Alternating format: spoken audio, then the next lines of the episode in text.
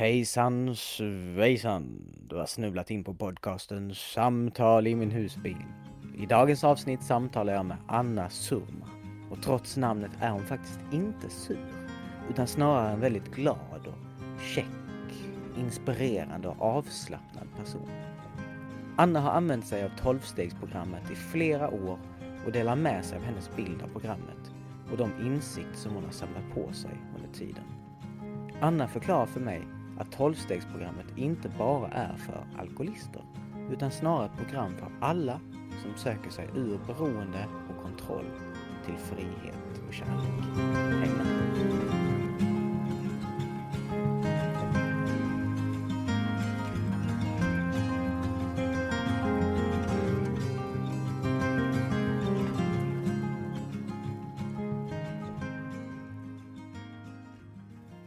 Hur känns det att prata om tolvstegsprogrammet?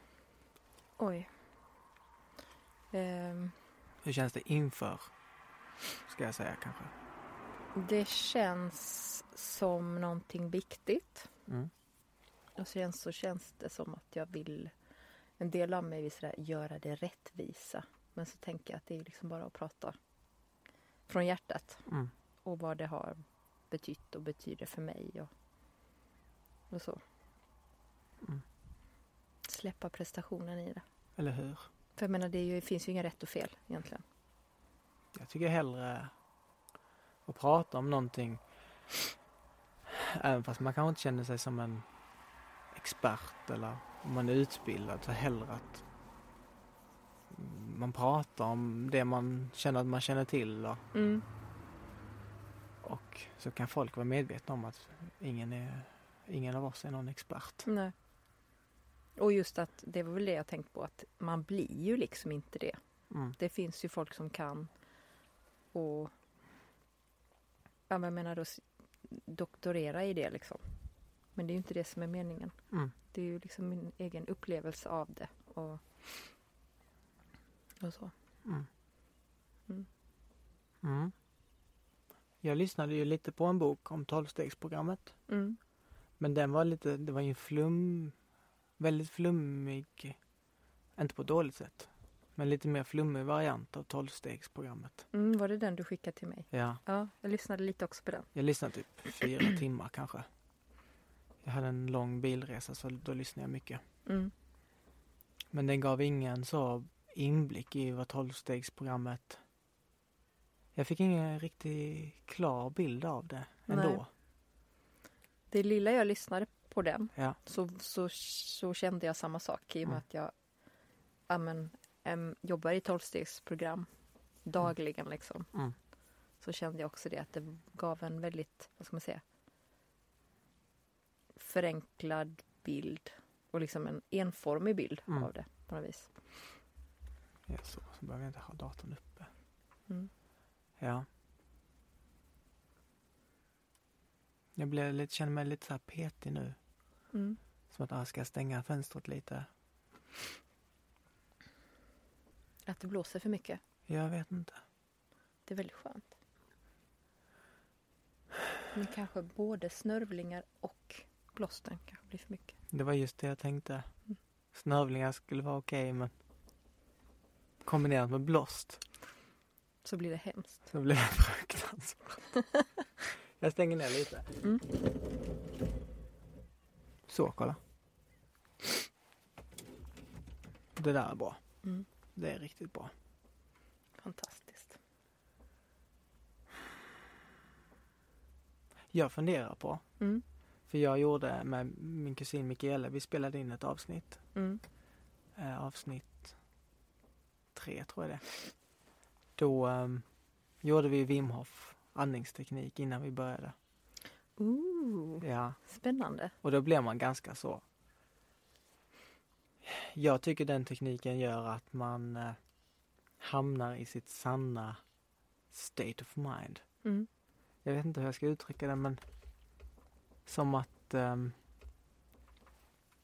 det tar sig, det tar närmre det mentala tillståndet som man kanske faktiskt borde vara i Mm. idag. Hela tiden liksom. Ja. Och sen betyder inte att man blir glad eller man blir lycklig eller så, men snarare bara att man får känna det som man borde känna. Mer grundad. Liksom. Mer grundad. Mm. Tack.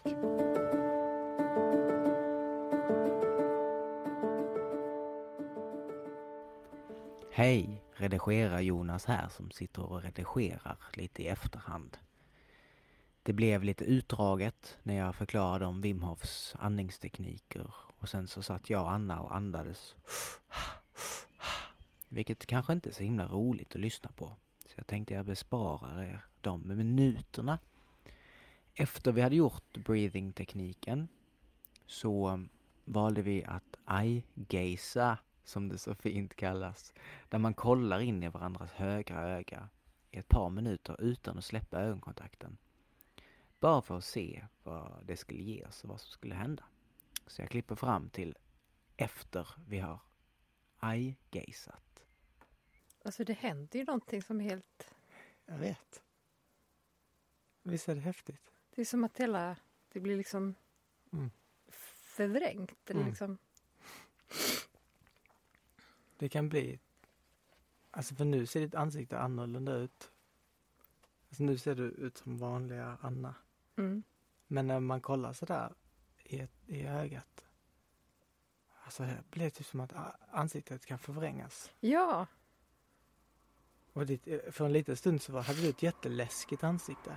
detsamma du. Ja. Det var som att du liksom... Det började liksom hänga och Mm. upp och ner. Och, Mm. vad intressant. Mm. Alltså det där med att kolla, att vi människor kollar varandra i ögonen.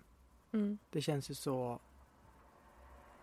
jag vet inte vad jag säga, genetiskt som att det är en grej som vi, vi möts genom ögonkontakt. Mm. Och att det finns något djup i det som man inte har utforskat tillräckligt mycket tror jag. Jag satt en gång i en halvtimme och kollade en, en, en i ögonen som jag aldrig har träffat innan. Och, och Wow. hennes, det blinkade rött och blått och det var som att hon hade ljudbelysning på huvudet. Och hennes ansikte liksom, och ibland var hon en gammal tant och Mm. ah, så flummigt. I båda ögonen då. Nej, vi kollar bara i varandras högra ögon. Mm. För det måste hända något. Det inte känns som att det ska vara det liksom. Mm. om man kollar i båda så blir det liksom... Ja, då tappar man det. Mm. Och om du kollar mitt vänstra och jag kollar ditt högra, då får vi inte, Då får vi inte kontakt. Nej. nej. Inte så djup i alla fall. Det är ju häftigt för det är ju liksom kontakten. Ja. Att vi är, vi är liksom på någon, någon slags symbios där Mm. just då. Mm. Eller hur? Mm. Jag vet när jag var liten så brukade jag, det här låter ju konstigt, men jag brukade stå så här nära spegeln Mm. och titta rakt in i ögonen. Mm. Länge, Mm. länge, länge, länge. Tills det blev just så förvrängt. Ja. Okej, men vi ska prata om tolvstegsprogrammet. Eller jag vet inte hur mycket jag kommer tillföra. Jag hoppas jag kommer tillföra. Med massa insiktsfulla tankar. Det gör du ju alltid. Men eh, jag är väldigt spänd... Eller jag- det, det ska bli spännande att få lyssna. Vi sitter vid en väg. Så det kommer köra förbi bilar. Mm. Men det är bara gött. Mm, verkligen. Det är en häftig plats. Men tolvstegsprogrammet. Mm. Det hör man ju på eh, namnet. Det ganska, har ett ganska avslöjande namn. Mm. 12 steg. Mm. Eh, många associerar nog tolvstegsprogrammet med alkoholism.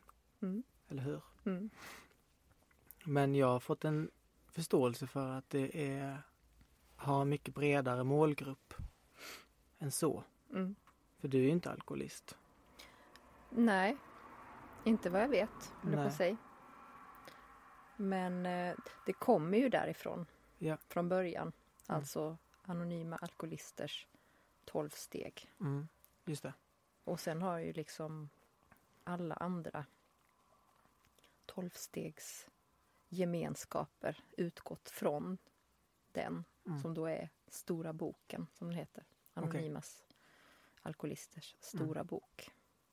Så, så folk typ insåg att shit, det här är det hjälper folk med beroende, eh, alkoholister så pass bra. Vi måste testa med andra Mm. beroenden eller Är det bara beroenden eller kan det lämpa sig för människor som har andra besvär också?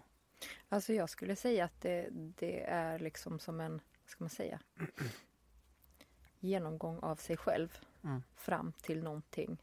Eh, och att det inte bara har med beroenden att göra. Absolut. Att det liksom, jag tänker att det, det är en anledning till att det är 12 steg. Hade det bara varit fem så hade du liksom inte nått det som du vill nå. Eh,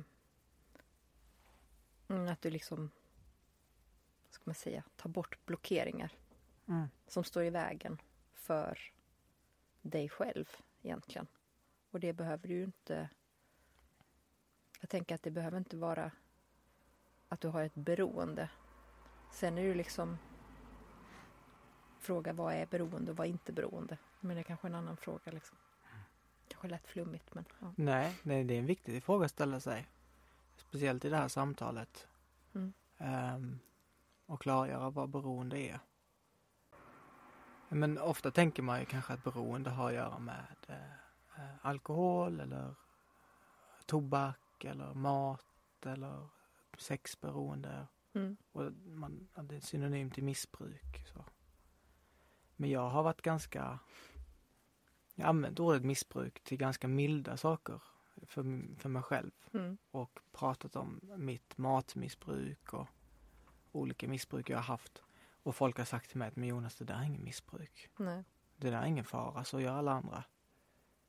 Men så har jag känt att, ja men, ja, det spelar ingen roll vad alla andra gör. Jag känner att det är ett missbruk. Mm.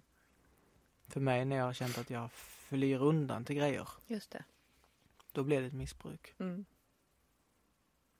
Ehm, så om vi umgås, Mm. du och jag som vänner, för att jag inte klarar av att vara själv, Just det.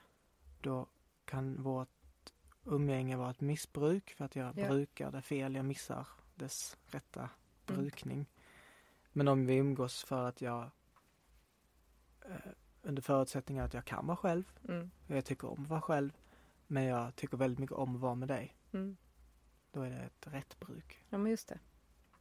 Och så, så resonerar jag också. Och, men det har tagit tid att komma fram till liksom att... Eh, för jag tänker att det, jag jobbar ju 12 steg för medberoende Mm. till exempel. Eh, men egentligen så ser jag att det är liksom samma sak egentligen. Och det du säger att det är liksom ett, ett, ett strategier liksom. Eh, man kan liksom ha relationsmissbruk. Precis det du säger, om jag gör alltså någonstans, jag tänker motiven bakom varför jag gör det jag gör. Om jag, det kan liksom vad som helst kan vara, så det är därför jag tänker att vad är beroende och vad är inte beroende? Och det tänker jag liksom vad som helst kan liksom vara som substitut för en drog. Mm. Det. om jag liksom måste göra någonting, då kan jag fråga mig varför måste jag göra det? Mm. Ehm. Ehm. Ja. ja, men precis det du säger. Liksom. För jag klarar inte av att vara själv med mig själv. Sen, sen är det liksom en... Jag tänker att vi människor behöver varandra. Så är det ju. Men just det där för att kanske fly någonting då. Men du sa att du har varit med i medberoende 12-stegsprogrammet. Mm, jag är det. Eller Mm. du är. Mm. Vad är. Det låter som att man har hamnat där på grund av någon annans. Mm. Jag ska bara stänga. Det ordet är rätt så svårt tycker jag. Just för att det låter precis som att jag är medberoende till någon annan. Mm. Men i själva verket så, så, är det väl mer liksom som en, vad ska man säga, anpassning. Som jag anser kommer tidigt under, under uppväxten. Liksom. Mm. Anpassat till ett till exempel dysfunktionellt familjesystem. Som kan sträcka sig liksom bak i leden. Långt bak i leden. Mm. Och det kan liksom ta tid. Märker det att det alltså kan ta tid innan man faktiskt i- em, förstår att det är medberoende. För det är så mycket som är medberoende. Mm. Och vad är medberoende? Alltså, är, det är en fråga som många ställer sig idag. Liksom, är inte alla medberoende då? Mer eller mindre liksom. Eh, men Eh, det, Är Mm. alla medberoende? Nej, jag tror inte det. För att jag, alltså någonstans så är det ju när det blir, det är lite som, nej, men det är som ett missbruk. Fast i relationer. Eh, fast du kan byta ut till exempel då, vad ska man säga, alkoholen mot kontroll. Mhm. Ehm, att, du, att du på något vis kontrollerar både dig själv och andra istället för att låta situationer och relationer, människor vara som de är.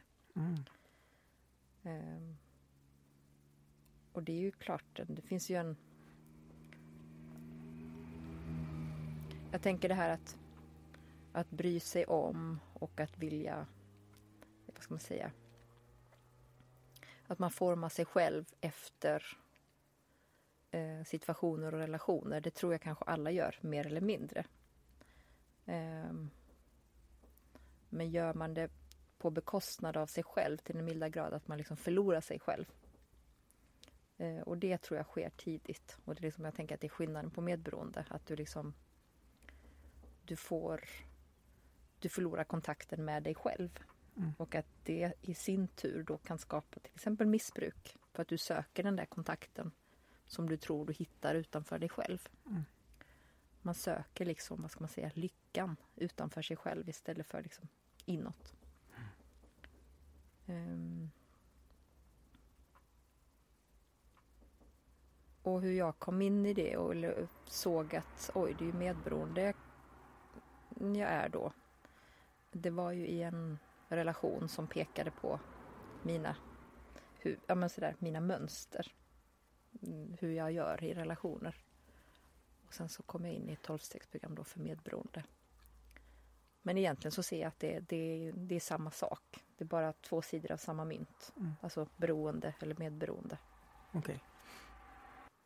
Jag tänker att medberoende är ett sorts beroende. Okej. Du är beroende av andra människor.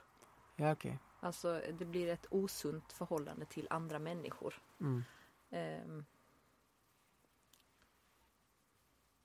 och beroende, alltså, att, alltså och att liksom beroende i sig ta, kan ta sig jättemånga uttryck. Därav ett är medberoende till exempel. Mm, okej. Men i det så är det ju mm, äv- även många medberoende som har liksom, jag tänker jag själv har ju haft liksom, vad ska man säga, ja, jag ser ju nu som heter kärleksberoende, ett, mat, ätstörning, alltså att det är liksom alkohol också. Mm. Att det liksom bara tagit sig, men att det har varit eh, för att på något vis hantera medberoendet. Så att, Okej. Och det förgrenar sig liksom. Jag, jag har aldrig testat tolvstegsprogrammet. Nej. Men eh, min uppfattning av folk som har gått igenom tolvstegsprogrammet är att eh, det riktar sig ofta mot något andligt. Mm. Um, vad är tolvstegsprogrammet något andligt för dig? Mm. Det är ju ett andligt handlingsprogram. Ja. Absolut. Mm. För jag tänker att medberoende och beroende, alltså det, det är en, vad ska man säga, en andlig sjukdom. Okej. Ehm, att du på något vis är blockerad från kraft. Mm. Det kan ju också låta väldigt flummigt, men på något vis ehm, allt det som står i vägen liksom för att du ska kunna vara, vad ska man säga, Ge, utlopp, ge utlopp för sitt fulla potentiella jag. Ja, men lite så. Ditt Mm. autentiska liksom, jag som finns där tror jag Mm. från första början. Men blir blockerat av en himla massa då rädslor, Mm. harm Mm. ehm, Mm. och själviskhet som är liksom en, om man beskriver liksom grunden i ehm, om man tänker då stora boken som det utgår ifrån så är det liksom på något vis att själviskhet och självcentrering att det på något vis är grunden till allt lidande. Mm. Beroende och medberoende, det har vi ju alla. Ja, ja visst. Mm. Jag tror det är många som, tänk, alltså, som inte vet att tolvstegsprogrammet är ett program för alla. Nej, det tror inte jag heller. Alltså så tänker jag med. Mm. Eh, sen kan det nog bli som jag tänkte från alltså, början att man kan bli lite avskräckt. Mhm. Liksom, det är mycket prat om Gud och mycket prat om liksom eh, så jag tänkte från början, men gud vad är det här för sekt liksom? Mm. Så. Men att när man börjar titta lite på det lite närmare och kommer in i det så märker man att oj, det här är ju liksom, vad ska man säga, så otroligt allmängiltiga Mm. frågor och, och så nära liksom vårt allra innersta. Alla människor egentligen. Mm. Det känns viktigt när det är ett sånt här då andligt program. Mm. Att, eh, för andlighet är ju ofta vägskrämmande. Mm. Folk eh, är, tycker ofta det är obekvämt med begrepp som Gud och frälsning och ehm, jag vet inte, himmelriket och allt sånt. Mm. Eh, men tolvstegsprogrammet känns som att det är lite mer eh, jordnära. Alltså egentligen är det ju, man brukar säga det att det är ett eh, enkelt program för komplicerade människor. Mhm. För det är ju verkligen liksom, det är 12 steg. Mm. Det är 1 till 12. Och vad jag tyckte från början, just det här att jag har ju alltid haft så himla, jag ska förstå allting. eh, Och intellektualisera allting. Och jag tror att det kan vara någonting som skrämmer iväg människor för att jag förstår kanske inte. Mm. Jag kan liksom inte jag kan inte liksom vetenskapligt skriva, alltså säga vad som händer här utan jag bara vet att det händer någonting Mm. när jag gör de här då 12 stegen. Och sen så handlar det ju någonstans om att ge vidare i slutet då. Okej. Ehm, ja. Att göra service. Mm. Och att någonting blir viktigare än jag själv. Alltså det är en del av programmet. Mm, Att ge vidare. mm, Leva för någonting som inte bara är en själv. precis. Hur jag hittills har liksom på något vis, vad man säga, första steget är ju vad kan man säga, att erkänna sig själv maktlös. Mm. Eller kraftlös som det står. Brist på kraft var vårt dilemma, står det i eh, då, stora boken. Då. Mhm. Och då kan man ju tänka som jag tänkte från början, men jag har inte brist på kraft. Jag är jätte liksom, handlingskraftig och jag har gjort det och det och det. Men någonstans att det är inte den kraften det handlar om utan vår egen vilja liksom. Mm. Som har styrt, styrt livet liksom med en hand, alltså järngrepp. Mhm. Och det i sig, att erkänna att men jag fixar inte det själv. Mm. Kan jag, steg två, kan jag vara villig att tro att det finns någonting större än jag själv? Mm. Och steg tre då, eh, att lämna över. Mm. Kan jag låta någon, någonting annat? Eh, och sen så gör du liksom en som en, vad säger jag, moralisk, oförskräckt moralisk inventering av dig själv i steg fyra då, där du går igenom rädslor, harm, saker som då ligger och kanske har legat kvar. Eh, många tror kanske harm då är, vilket jag trodde från början, att, att det bara är liksom ilska. Men det är något, alltså sånt vi, som, ja men, som får mig att ligga kanske sömnlös på nätterna, att jag ältar saker liksom. Mm. Det kan vara saker som hände när jag gick i trean eller tvåan som är svåra att släppa. Ja, och jag tänker min första tanke var svårt att också lokalisera det. Mm. Ehm, är det metoder då i ett tolvstegsprogram som gör att man kommer i kontakt med dem? Eller är det på något sätt harm som man ändå Förstår du hur jag tänker? Att, Mm. Alltså jag tänker oftast så kommer det ju Allting kanske inte kommer på en och samma gång. Det har det inte gjort för mig. Mm. Och det är inte uppenbart vad det är. Mm. Och kanske många gånger som... För man har ju... Alltså jag får ju en... När jag kommer in i programmet så är det ju möten. Framförallt. Eh, Tolvstegsmöten. Och där får man då en sponsor. Och en sponsor är någon som har gjort de tolv stegen då. Okej. En Och- mentor typ? Ja men Eller, ja, som kan vägleda i stegen. ja. Ehm, och där alltså, alltså går du igenom stegen. ehm, och jag tänker att just det, så många gånger jag hörde så här att liksom inte påskynda processen eller att inte, utan det som kommer upp, det är det som kommer upp. Mm. Att det liksom finns inga, ingen perfektion i det utan till exempel för att jag tänker det här lokalisera harm utan alltså det, det, det som någonstans ligger där och som du Ja, vad, vad är den... Alltså, man kan tänka personer eller relationer eller situationer. Vad, lig, vad harmar du på liksom? Vad Okej. finns där? Vad ligger, så staplar man allt det. Mm. Så man får det liksom ur sig. Ja, man sätter sig ner och verkligen försöker. Och om man också skriver ner då hittar man nog ganska Mm. många saker. Så man, vissa saker som man, gud, det här visste jag inte ens. Alltså, Ja, det kan komma upp mycket. Mm. Och sen gör man då en sexlista. Gör man. Och det tror man ju kanske bara är... det Sexlista. Mm, det, Är är det också, steg fyra också? det också. Det är ett sånt maffigt steg. Okej. Vilket steg är detta? Sexlistan? Det är fyra. Ja. Så det är rädslor, sex, harm. Är det någon mer? Alltså sex som i samlag? Ja, nej. Det trodde jag också. Mm. Men gud, ska jag bara rada alla jag har haft sex med? Mm. Nej, utan det är liksom hur du, hur du beter dig i relationer och har gjort egentligen. Eh, och i, med motsatta könet. Och liksom, man, man, I det steget så ser man väl liksom mönster. Mm. Som man har haft. Okej. Lokalisera mönster. Ja, men lite så. För att kanske ja, Mm. se sånt som du sen då ska lämna över. Som Mm. blir som karaktärsdefekter kan man säga. Okej. Som du inte vill pyssla med längre. Varför kallar man det för sex... ehm, vad heter det? Sexlista? Sexinventering. Inventering. Varför? Ja, men jag tror det har med att just hur du är i relationer.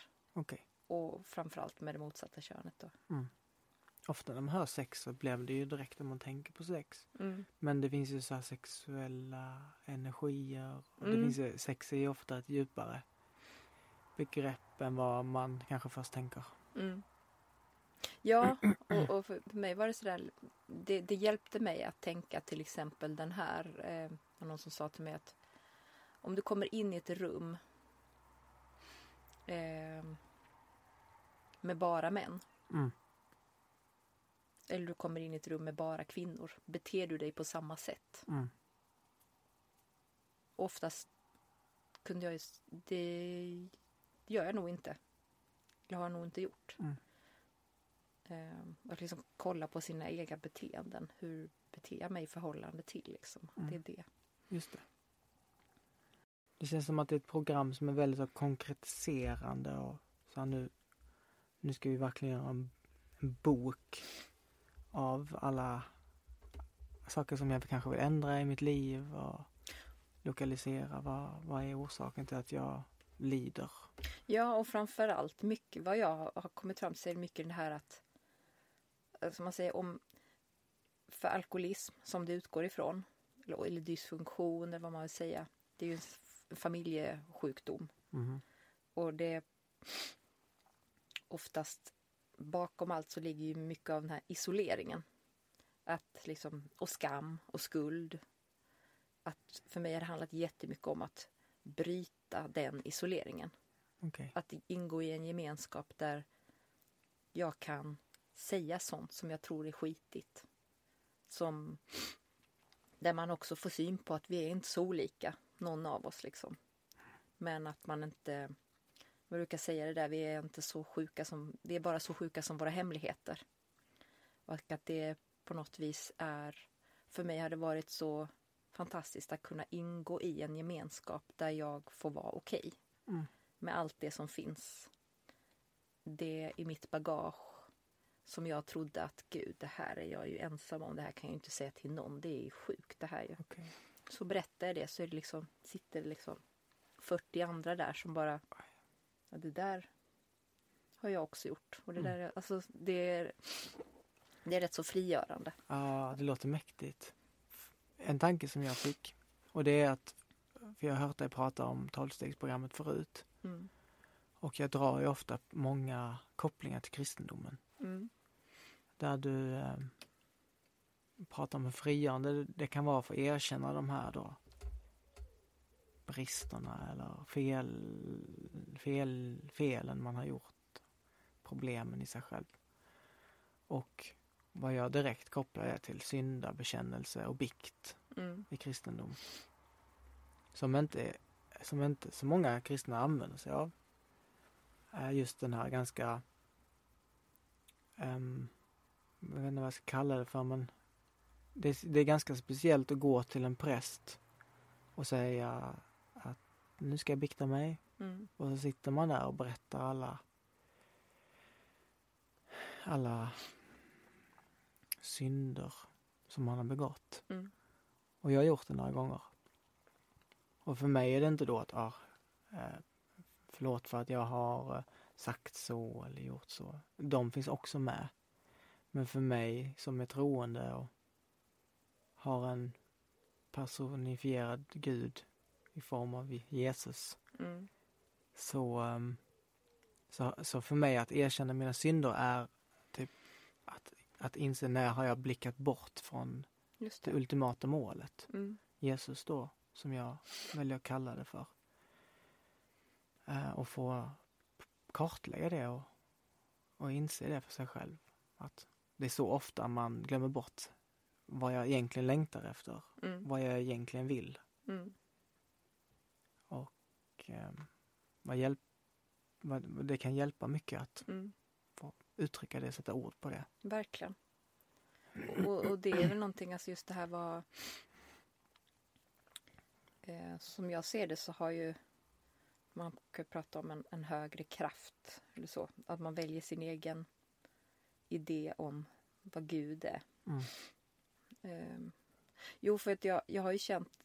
Eh, och det hör väl ihop med det du säger. Mm. Att, eh, för jag kan ju känna när jag var till exempel liten. Hur jag kunde ha en stark känsla av att eh, jag hade en högre kraft med mig. Liksom. Men att under åren har, har jag på något vis ja, men blickat bort, eller vad man vill säga. Och, man lägger, och jag har lagt mig till med en himla massa vad ska man säga, överlevnadsstrategier. Som, som gör att jag kommit längre och längre bort från som då är, vad ska man säga? Ja, men Gud eller en högre kraft eller en sanning på något vis i mig. Världssjälen Mm. säger de ju i Alkemisten. Den, där använder de det ordet. Jag tycker det är så fint. Mm. Världssjälen. Mm, jättefint. Mm. Och det är väl det som någonstans, vad ska man säga, eh, när man gör de här stegen så är det som att man får titta på det som, som står i vägen. Mm. Eh, Står i vägen för. för För Gud. Gud egentligen. Mm. Ens allra innersta. För jag kan, jag kan ju ibland känna att Ja men intuition kan jag väl känna också är den, en- står väldigt nära vad jag tycker Mm. en högre kraft är och Gud. Mm. Och den tror jag man har väldigt naturligt, väldigt tidigt. Mm. Men sen så blockeras den av en massa idéer och ehm, och så. Det var nog lite det jag tänkte på innan när, när, jag prat, när vi gjorde Wim Hof-tekniken. Mm. Och jag sa att ja, men det får en att komma närmre. Och då hjälpte du mig med ordet att säga att man, man grundar sig själv. Mm. Men jag tänker också just det där att komma närmre eh, intuitionen, Mm. impulsiviteten och, och det också. Mm. Och det är också av stegen så tänker jag, för det är ju liksom steg 11, så är det bön och meditation. Mm. Ehm, och jag, jag mediterar och ber varje morgon. Annars går det väldigt fort. Men det, ska man säga? Man har liksom en slags omedveten programmering. Mm. Och det är väl det någonstans som jag tänker programmet, det, man programmerar om sig själv på något Mhm. vis. Eller programmerar av kan man väl säga. Mm. Tillbaka till någonting nytt. Ehm, och där vet jag på morgnarna, för mig är det i alla fall så att det går väldigt fort. Och huvudet sätter igång med det ena eller det andra så fort jag slår upp ögonen. Ehm, och där är det på något vis som att ja, men där behöver jag koppla upp. Eh, eller koppla in. Med då bön eller meditation. För att inte ja, men, rusa med i allt det där snurret som jag tror. Någonstans det här att liksom på något vis vara i stillhet. För att få chans att höra min egen inre röst på något vis. Amen. Mm. Det där gillar jag. För det, det resonerar jättemycket med mig att stilla mig själv, komma ner i varv och inte bara, inte bara, eh, jag tycker att bli lugn känns som lite, eh, lite milt uttryck. Ja. Utan att man som kommer in i sig själv, djupare in i sig själv av meditationen. Mm. Eller Wim Hof andningsteknik och kombinerat med meditation.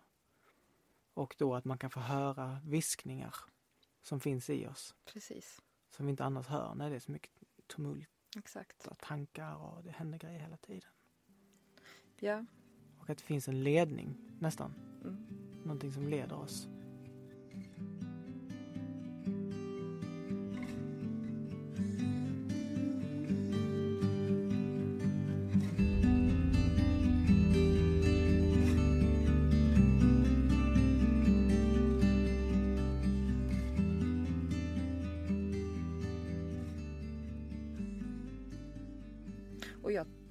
För- mig är det så mycket, eller jag tänker så viktigt det där är att det där med, men också det här uttrycket att släppa taget. Det är Mm. också sådär, vad, vad menas ens med det? Och där tänker jag att släppa taget om allt egentligen. Eh, jag hörde någonstans där, liksom det här uttrycket att this, this too shall pass. Mm. Som man också har många gånger hört. Och det är ju alla grejer. Att just nu är det så här. Att liksom någonstans lita på att varje stund är som den ska vara. Att inte försöka greppa tag i någonting och hålla fast vid det. Min idé om hur saker ska vara. Ja, men till exempel i meditation då. Jag ska komma ner i ett lugn och det ska vara lugn. Ibland, alltså jag tänker att meditation och det här att höra sin egen röst. Den är ju inte alltid lugn. Den kan ju vara hetsig som fasen. Men att lita på att då är det så. Mm. Eh, för jag tror att också jag har liksom trott att jag ska vara liksom någon Buddha och att jag ska vara ja, sväva runt hela tiden som i något lugn. Men det är ju inte att vara människa tänker utan liksom någonstans, jag vet inte, att vara sann. Mm. Och, och jag tänker att för mig har det inneburit att hitta en himla massa osköna grejer om mig själv. Mm. Men att faktiskt gå med på att ja, men okej, men jag, jag är kanske så då. Mm. Jag kanske är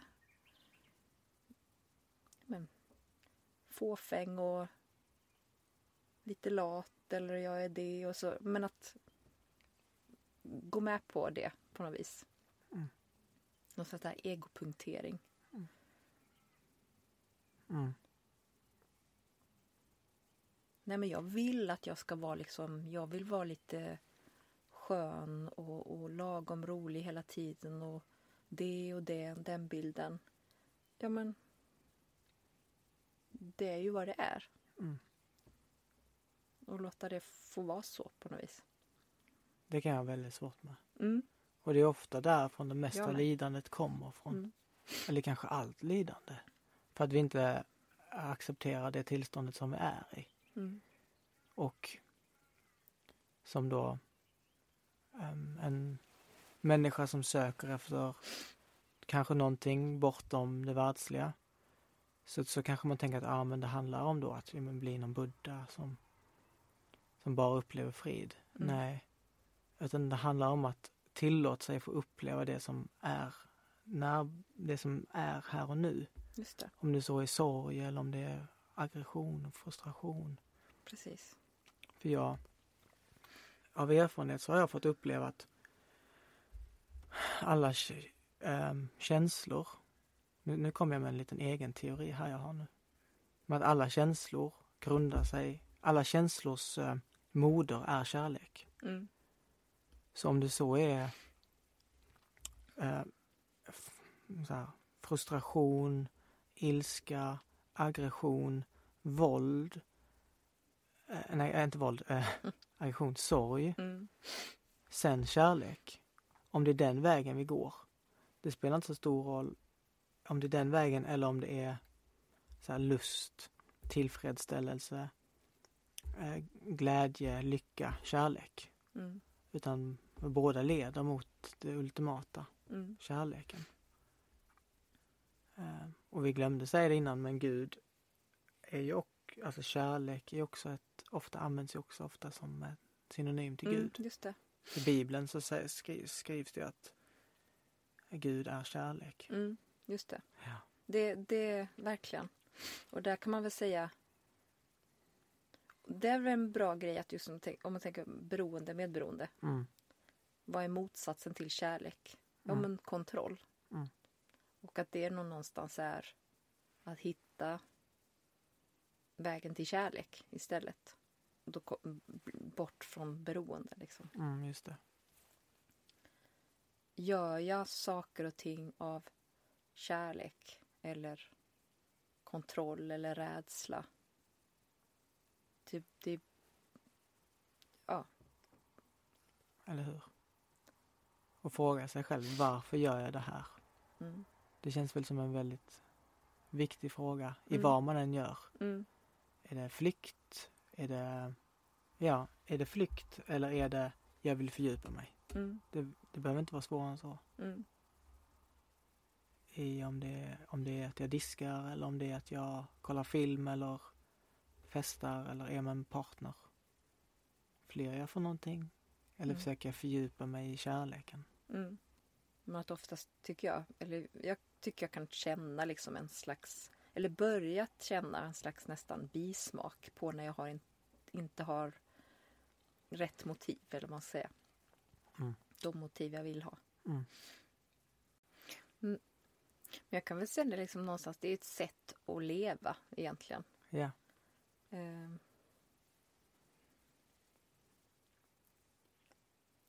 Mm, Tänk att det finns, det är tolv steg du går igenom. Sen finns det i traditioner som man förhåller sig till. Mm. Eh, Tolv traditioner. Och det är mer liksom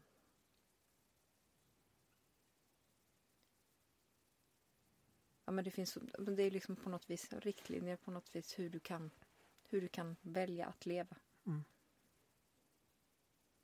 Och för att jag tänker det är- mycket också i tolvsteg just det här att göra mycket service. Mm. Eh, och där är också som lite för att gå ihop med det vi pratade om innan att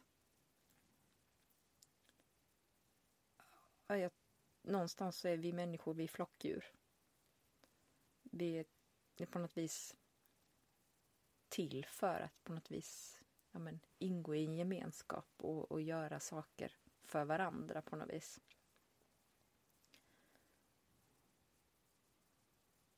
Och där komma bort från, vad ska man säga, ja, men självcentrering och själviskhet. Att Mm. någonstans Ja men till exempel då, ja men som tolfte steget efteråt då att föra budskapet vidare. Och det kan man ju göra på så många olika sätt, tänker jag.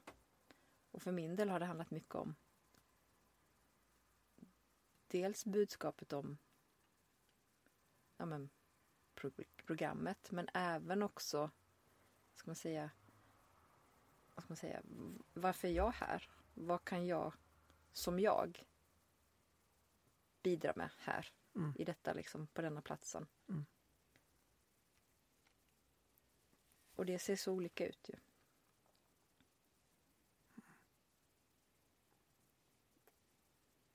Har du, känner du att du har fått en tydligare eh, idé av vad, vad du har för roll på den här platsen? Jag tänker på jorden då. På grund av tolvstegsprogrammet.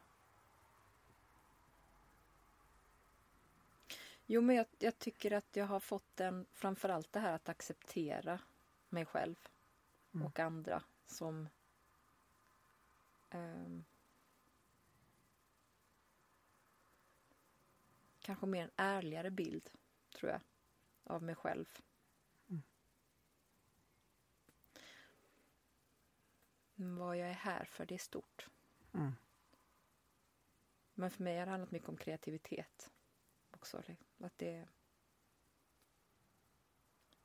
Att vara här för att bidra liksom, med den jag är. Sen kan det växla.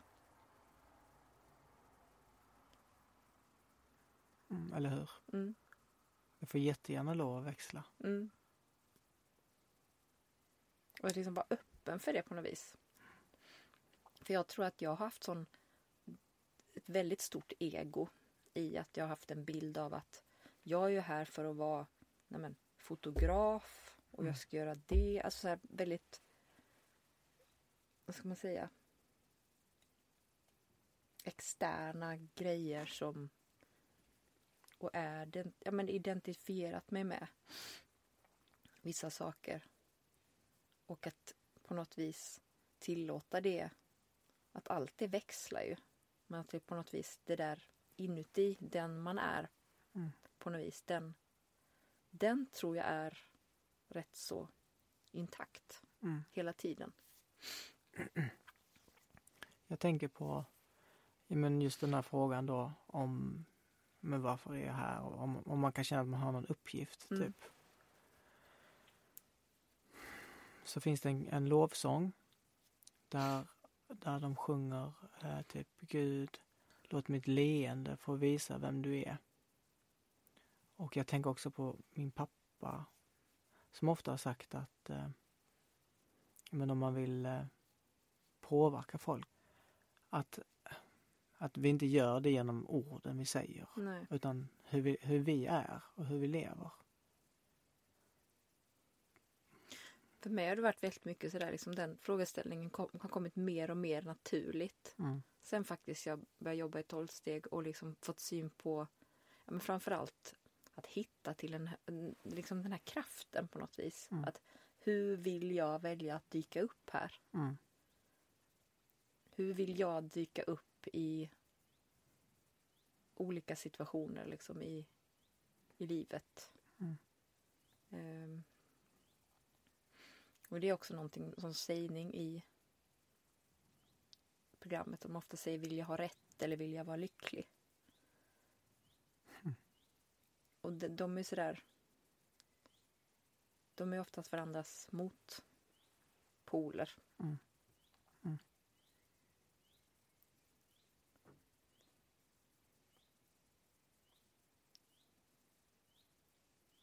Att man kan behöva erkänna att man har fel, tänker du? Mm.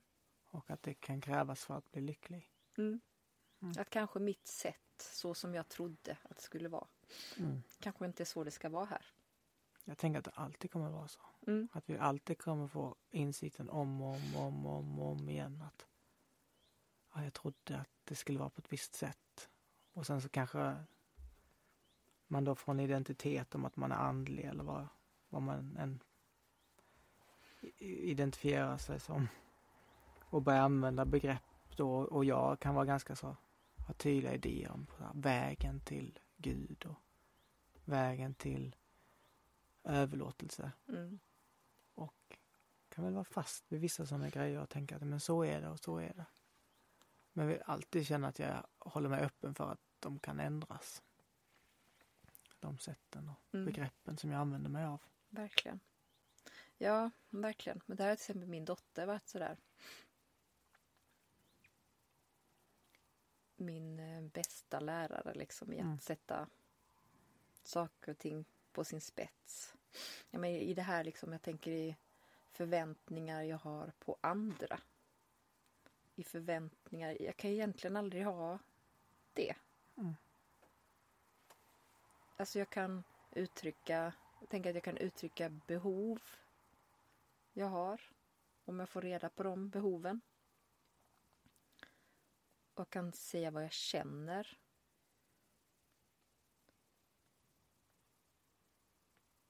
Men Och där också, någon, jag vet att för mig har det varit sådär mycket många gånger sådär att det som har fått mig att må dåligt många gånger i livet så är det liksom att det är inte, och där kommer det in, liksom, vill jag ha rätt eller vill jag vara lycklig? Mm. Att mina förväntningar på hur saker ska se ut och är det inte så, då är det fel. Just det. Säger du kom inte på avtalad tid för att och det blev inte si och så. Och, Mm. Det står i en bibelvers i bibeln så står det att himmelriket är aldrig så som ni tänker er att det kommer vara. nej. Det är alltid något annat. Och sen så står det till slut då himmelriket finns inom er. Mm. Och det är kanske en tanke också som kanske inte eftersom de säger att himmelriket inte är som man tänker att det ska vara och sen så säger man då att himmelriket finns inom oss. Det är kanske också är en tanke som får lov att ändras.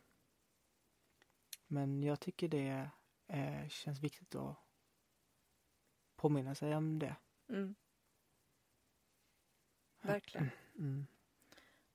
Och där tänker jag liksom, jag tänker vi pratade lite om medberoende innan, att, att det är kontroll mycket. Att på något mer, alltså jag tänker att leva livet som det är. Mm. Inte kontrollera livet. Mm. Ja, som du sa innan att kontroll, jag vet inte om det var exakt så du sa, men att kontroll är nästan motsatsen till eh, Kärlek. kärlek. Mm. Och det, då, då visste jag inte om jag kände riktigt som jag gör nu när du säger så, för nu känner jag verkligen att men så är det ju. Mm. Kontroll är ju motsats till kärlek. Mm. Min mamma sa ett uttryck, kommer jag att tänka på nu, som jag tyckte var så fint. Mm. Och det var hon, hon höll upp handen. Och, och så, så sa hon om man lite det där liksom motsatsen till med kontroll och kärlek. Om man håller handen öppen och så ligger, lägger man sand där i. Håller man den öppen så ligger den kvar. Mm. Kramar jag så sipprar det ut liksom. Mm. Jag kan tycka det är så, jag gillar att tänka liksom i bilder så. Mm. Det blir så tydligt att ju mer jag håller fast vid någonting så smärtar det. Jag håller med. Men jag har känt eh, i mitt liv att den här andliga vandringen som vi alla vandrar Mm. och där vi då kanske vandrar mot någonting, det yttersta. Och vad, det får vi kalla vad vi själva vill. Och vi kanske ska hålla det så öppet som det bara går, vad det Mm. nu är. Mm. Men jag kände i mitt liv när jag slutade jobba på Sproutly, där jag hade byggt upp en tydlig idé av mig själv. Jag, mitt ansikte utåt var varumärket Mm. Grodd Jonas. Han var vegan och när allt det släppte på en gång, då var det verkligen så att jag, oh shit, jag har ingen, ingen kontroll. Jag har ingen identitet längre. Mm. Och det var så himla, det var så otrolig krasch i flera månader där jag bara, jag mådde så himla dåligt då. Ehm, jag vet inte, men det jag tänker är att den här processen får lov att ta lång tid. Mm. Verkligen. Och jag tänker på så här psykedeliska droger där och där det kan vara som att det, det liksom är som explosion bara i släppa på identitet, släppa på kontroll. Och man fördjupar sig kanske jättedjupt i sig själv. Um, och kommer i kontakt med upplevelser som man aldrig upplevt förut. Och sen då när man kommer tillbaks till den vanliga världen så kan det vara som att eh, att jaha, nu har jag ingenting att hålla fast vid. Nej. Och då blir det så himla svårt. Så att man behöver vissa grejer att hålla fast vid. Liksom, jag, jag ser till med min idé av Jesus är en slags form av kontroll. Mm. Där jag håller fast i Jesus hand och ber om hjälp. Och Jesus är en idé. Det, ingår liksom i illusionen. Och vad jag tänker mig till är det ultimata. Men i slutändan så är det också någon kontroll Mm. som jag behöver släppa taget om.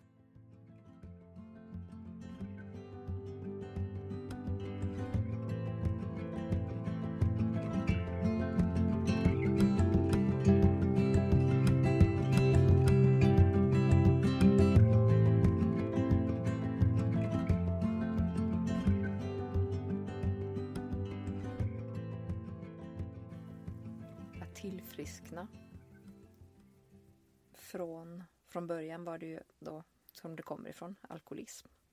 Men att det finns tolv steg som är för olika olika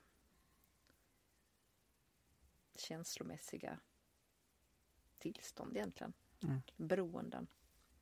Tolv steg till frihet låter ju väldigt flummigt också men att du tar en titt på dig själv egentligen. Att man kan säga att man första steget att du någonstans förstår att eh, hur jag har handskats med livet hittills funkar inte. Eh, kan jag vara villig att tro på någonting annat än mig själv? Och sen tittar du på hur du har ja, handskats med livet hittills egentligen. Vad du har för rädslor och eh, och skriver ner allting och berättar det för en vald person. Okej. Och sen lämnar du över det. Eh, och sen så är det också steg i folk som du har sårat, Mm. gjort illa. Eh, och sen är det Så man får säga förlåt, gottgörelse. förlåt till de folk, personer man har gjort, gjort illa då? Ja, alltså, gott, alltså du får gottgöra människor, relationer Okej. som du då har med på. Och gottgörelse kan ju se väldigt olika ut. Mm. Vissa är ju gottgörelser Det kan ju vara folk som har gått bort. Mm. Och där är ju hela tiden just det här att göra en gottgörelse. Gått bortgörelse. Ja, men du kan skriva ett brev eller jag tänker har du Det finns ju olika sätt att gottgöra. Du kan investera i en någonting som du vet att den personen hade uppskattat eller det är ju levande gottgörelse kan det vara. Till exempel som till min do- dotter som jag har behöver gottgöra. Mm. Det är ju att dyka upp på ett annat sätt än vad jag har gjort. Mm. Kanske inte så mycket ord utan mer handling. Göra på ett annat sätt. Ehm. Oftast är det liksom så här, förlåt. Och sen ja, fortsätter du göra på samma sätt. Så Eller hur? Ja. Eller hur? Att gottgöra liksom behöver inte bara ord utan det kan vara ja men att du, ska man säga? Att man jobbar i, med sig själv. Mm. Att försöka göra bättre liksom. Eh, och sen är det steg 10 då det kommer till dagliga inventeringar. Att du håller, du fortsätter hålla utkik på dig själv i princip. Mm. Du ser upp med liksom rädslor och harm. Eh, och själviskhet. Och s- Hur ser man upp med dem då? det är väl att du... Jag tänker att du... Alltså vi har, man har så att man skriver inventering. Många gör det på kvällen. Mm. Liksom, har jag, har jag harmat idag? Har jag varit självisk idag? Har varit rädd? Har jag tänkt på mig själv mer än andra? Och vad kunde jag gjort bättre? Vad kan jag ta med mig? Liksom? Är jag skyldig någon en ursäkt? Och sen gör man det varje dag. Så man liksom inte, alltså man, vad ska man säga? Man håller rent framför sin egen dörr. Mm. Ehm, och fortsätter hålla rent där. Liksom. Och sen steg 11 är då bön och meditation. Man stillar sig. Och steg 12 att ge vidare och göra service.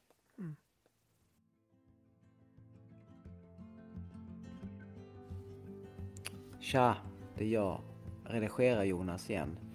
Tack så jättemycket för att du har lyssnat på podcasten Samtal i min husbil. Bil.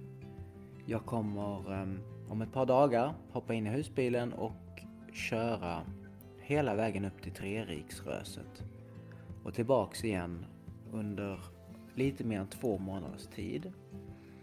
Mitt mål kommer vara att intervjua och samtala med Människor som jag träffar under vägen som får berätta om sina livshistorier och lärdomar som de har lärt sig med fokus på äldre människor. Ehm, för att ge dem en plattform och plats att få uttrycka sig och få berätta om sin historia. Det här är en resa som kommer kosta mig ehm, mycket pengar. Lite mer än 30 000 kronor. Om det går som planerat. Och jag har ingen sponsor överhuvudtaget. Jag har ingen reklam eller något sådant ännu. Det vet man inte vad som sker i framtiden. Um, och vill säga att om man känner att man vill vara med och sponsra den här podden så kan man swisha valfri summa till mig på 0722 05 21 22 och de pengarna kommer gå till eh, diesel, för det är dieseln som kommer kosta allra mest. Men även eh, mat för att fylla min mage. Tack så jättemycket återigen för att du lyssnat och tack ännu mer om du väljer att bidra till podden. Och dela gärna med dig om du tycker att, ah, men wow, spännande podd eller häftiga avsnitt. Dela. Jag behöver, jag behöver hjälp med att få något. Och stort tack till Anna Surma som har inspirerat oss och gett oss en djupare förståelse av tolvstegsprogrammet.